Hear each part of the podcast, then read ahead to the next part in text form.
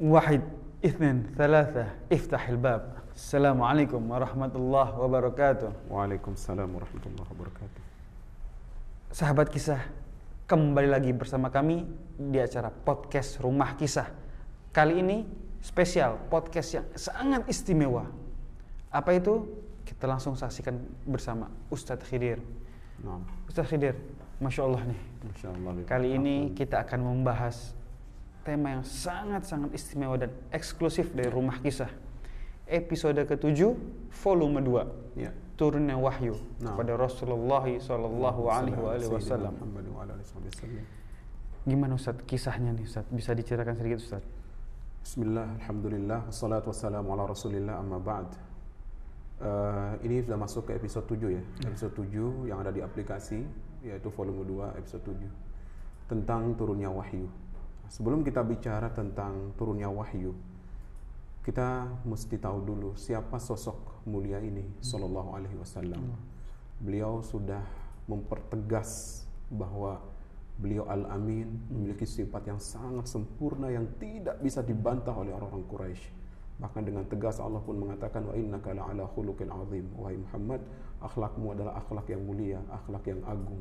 Dari sisi akhlak, dari sisi keturunan Muhammad bin Abdullah bin Abdul Muttalib bin Hashim bin Abdi Manaf bin Qusay bin Kilab bin Murrah bin Ka'ab bin Ghal bin Lu'ay bin Ghalib bin Fihir sampai seterusnya sampai tembus ke Nabi Ismail sampai tembus lagi kepada Nabi Adam alaihi salatu wassalam bahkan beliau dengan tegas mengatakan Allah Subhanahu wa taala mengeluarkanku dari sulbi rahim rahim itu dengan cara pernikahan. Tidak pernah dikeluarkan dari zina. Subhanallah keturunan yang sangat dijaga oleh Allah Subhanahu wa taala. Dari laki-laki perempuan yang mulia mulia mulia mulia mulia sampai ke Abdullah sampai turun lagi ke Nabi kita Muhammad sallallahu alaihi wasallam.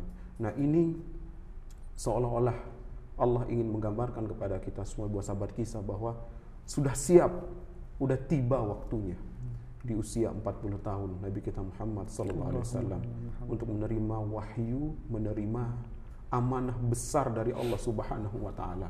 Antum bayangkan di saat Allah turunkan wahyu kepada Nabi kita Muhammad SAW bukan berarti itu adalah uh, terus membangga tidak.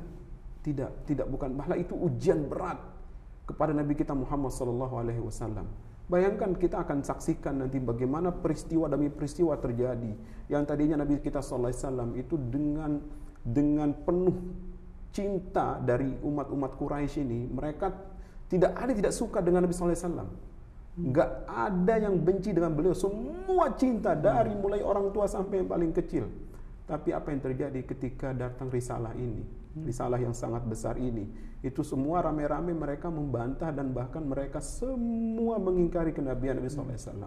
Padahal mereka udah tahu dari kecil siapa Muhammad ini. Siapa Rasulullah. Tapi begitu ada klaim ya ada pelantikan dari Allah bahwa ia adalah nabi, itu mereka semua tidak ada yang menerimanya. Keluarganya, sukunya, kaum Quraisy pada umumnya yang hanya menerima segelintir sahabat yaitu dari keluarganya, istrinya, Bunda Khadijah dan keluarganya. Kemudian ada sahabat-sahabat yang lain. Nah, jadi ini sangat menarik ya untuk kita bahas tentang bagaimana risalah kenabian ini menjadi pertanda bahwa Allah sudah mempersiapkan ada perubahan yang harus terjadi di muka bumi ini. Maka dengan jelas Allah mengatakan wa ma arsalnaka illa rahmatan lil alamin. Aku tidak utus Muhammad kecuali rahmat bagi seluruh sekalian alam. Bahwa Allah mengutus Nabi Muhammad ini karena sayangnya kepada kita semua, hmm. Sayangnya kepada manusia wallahil azim Bib. Kalau nggak ada Rasulullah kita nggak bakal seperti ini hari Mustahil. ini. Mustahil, Mustahil kita nggak bisa sholat, nggak bisa ngapa-ngapain. Yang ngajarkan kita hari ini, kita bisa paham agama, kita bisa tahu mana halal, mana mana batil, batil tahu mana yang baik, mana yang buruk. Semua ada Nabi Muhammad SAW. Wallah laula Muhammad. Kalau nggak ada Muhammad, kita mungkin hari ini masih bunuh-bunuhan, masih saling benci, masih saling hasad, masih semuanya. Tapi Sallallahu Alaihi Wasallam dengan Rasulullah kita bisa belajar. Bahkan nanti kelak di hari kiamat pun kita akan diberikan syafaat oleh beliau yang tidak ada syafaat kecuali dari Sallallahu Alaihi Wasallam. Bayangkan bagaimana mulianya sosok ini yang sampai digandeng namanya dengan Allah Subhanahu wa taala di dua kalimat syahadat. Kita nggak akan pernah diterima Islam kita kecuali kita beriman dengan Muhammad. Berapa hari kita dengar namanya? Kita sebut di saat sholat, kita sebut namanya, kita sebut saat tasyahud, kita sebut namanya, saat azan kita dengar namanya, saat komat pun kita dengar namanya. Bahkan orang baru lahir pun, baru lahir pun diperdengarkan namanya. Bahkan orang meninggal pun diperdengarkan namanya. Jadi berapa kali kita dengar setiap hari nama Muhammad, Muhammad. Berapa kali kita dengar nama orang ini? Subhanallah. Makanya wajib pantas kita harus cinta kepadanya.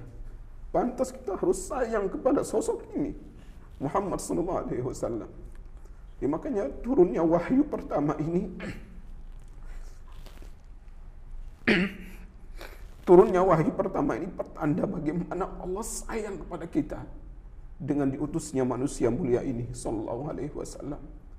Nah ini juga penting untuk kita, untuk kita semua ya, untuk sahabat kisah, untuk siapa pun, bahwa mempelajari sirah itu tidak cukup hanya kita mengenal nama saja, kita mesti gali sejarah panjangnya bagaimana beratnya risalah ini. Jadi memang karena nggak ada orang yang siap sehingga Allah pilih manusia terbaik ini dari sisi nasab nih lagi-lagi saya ulangi dari sisi nasab dari sisi akhlak ini udah dipersiapkan betul-betul untuk dijadikan nabi terakhir oleh Allah Subhanahu wa taala. Mudah-mudahan kita semua insya Allah diberikan jalan terus untuk bisa tetap istiqomah dan mendapat syafaat dari Nabi kita Muhammad sallallahu alaihi wasallam. Amin amin ya rabbal alamin. Masya Allah Ustaz kisahnya Ustaz ya sampai merinding Ustaz. Nah, nah Ustaz uh, satu lagi Ustaz pertanyaan. Bagaimana uh, kisah wahyu itu turun kepada Rasulullah sallallahu alaihi wasallam? Wahyu turun itu uh, memang kita bisa tahu di sejarah ya kadang berbagai macam-macam cara hmm. wahyu turun itu ada yang uh, kadang lewat mimpi kadang ada Jibril menyerupainya seba, dirinya sebagai laki-laki kadang Jibril menampakkan wujudnya yang asli kadang bisa jadi seperti uh, bunyi lonceng begitu kira-kira begitu itu disebut oleh para ahli sejarah ya disebut oleh para ahli sejarah nah tapi yang pertama kali turun ketika Nabi SAW ada di Gua Hira itu ketika Jibril datang dengan bentuk menyerupai seorang laki-laki. Nah, di situlah Nabi didekap sekuat-kuatnya sampai serasa mau meninggal, hmm. ya sesak sampai tidak bisa bernafas, sampai disuruh baca ikra, ikra ya Muhammad. Sampai Nabi bilang ma ana biqari, aku nggak bisa baca. Sampai tiga kali ikra, ikra bismi rabbikal ladzi khalaq khalaqal insana min 'alaq. Ikra wa rabbukal akram alladzi 'allama bil qalam 'allamal insana ma lam ya'lam. Lima ayat pertama. Hmm. Nah, Nabi nggak bisa baca, Bib. Hmm. nggak bisa tulis. Sampai diberikan gelar al ummi yaitu orang yang buta huruf. Nggak bisa baca nggak bisa menulis. Tapi ingat gelar itu adalah gelar mulia bagi beliau. Kalau bagi kita gelar itu mungkin gelar yang kalau orang misalnya si A nggak bisa baca itu gelar hinaan. Tapi bagi Nabi itu gelar mulia. Dan ulama semua sepakat semua sepakat gelar ummi pada diri Nabi itu gelar mulia kenapa karena itulah alasannya Kenapa Allah memberikan gelar ummi itu supaya masyarakat Quraisy, masyarakat dunia ini ya, manusia semua alam jagat raya ini tidak bisa membantah Al-Qur'an. Betul.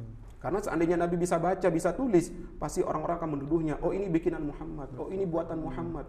Tapi dengan Allah berikan gelar, berikan sifat nggak bisa baca, nggak bisa tulis, maka di situlah menjadi sosok mulia dengan gelar tersebut. Nah turun wahyu pertama ini, subhanallah, ini menandakan bagaimana Nabi sudah resmi dilantik ya menjadi Nabi diresmi dilantik dan risalah pun sudah dimulai. Nah, di aplikasi kita sudah sampaikan bagaimana dahsyatnya wahyu pertama ini turun, bagaimana sikap Nabi, kemudian bagaimana kekhawatiran Nabi, ketakutan Nabi saat itu.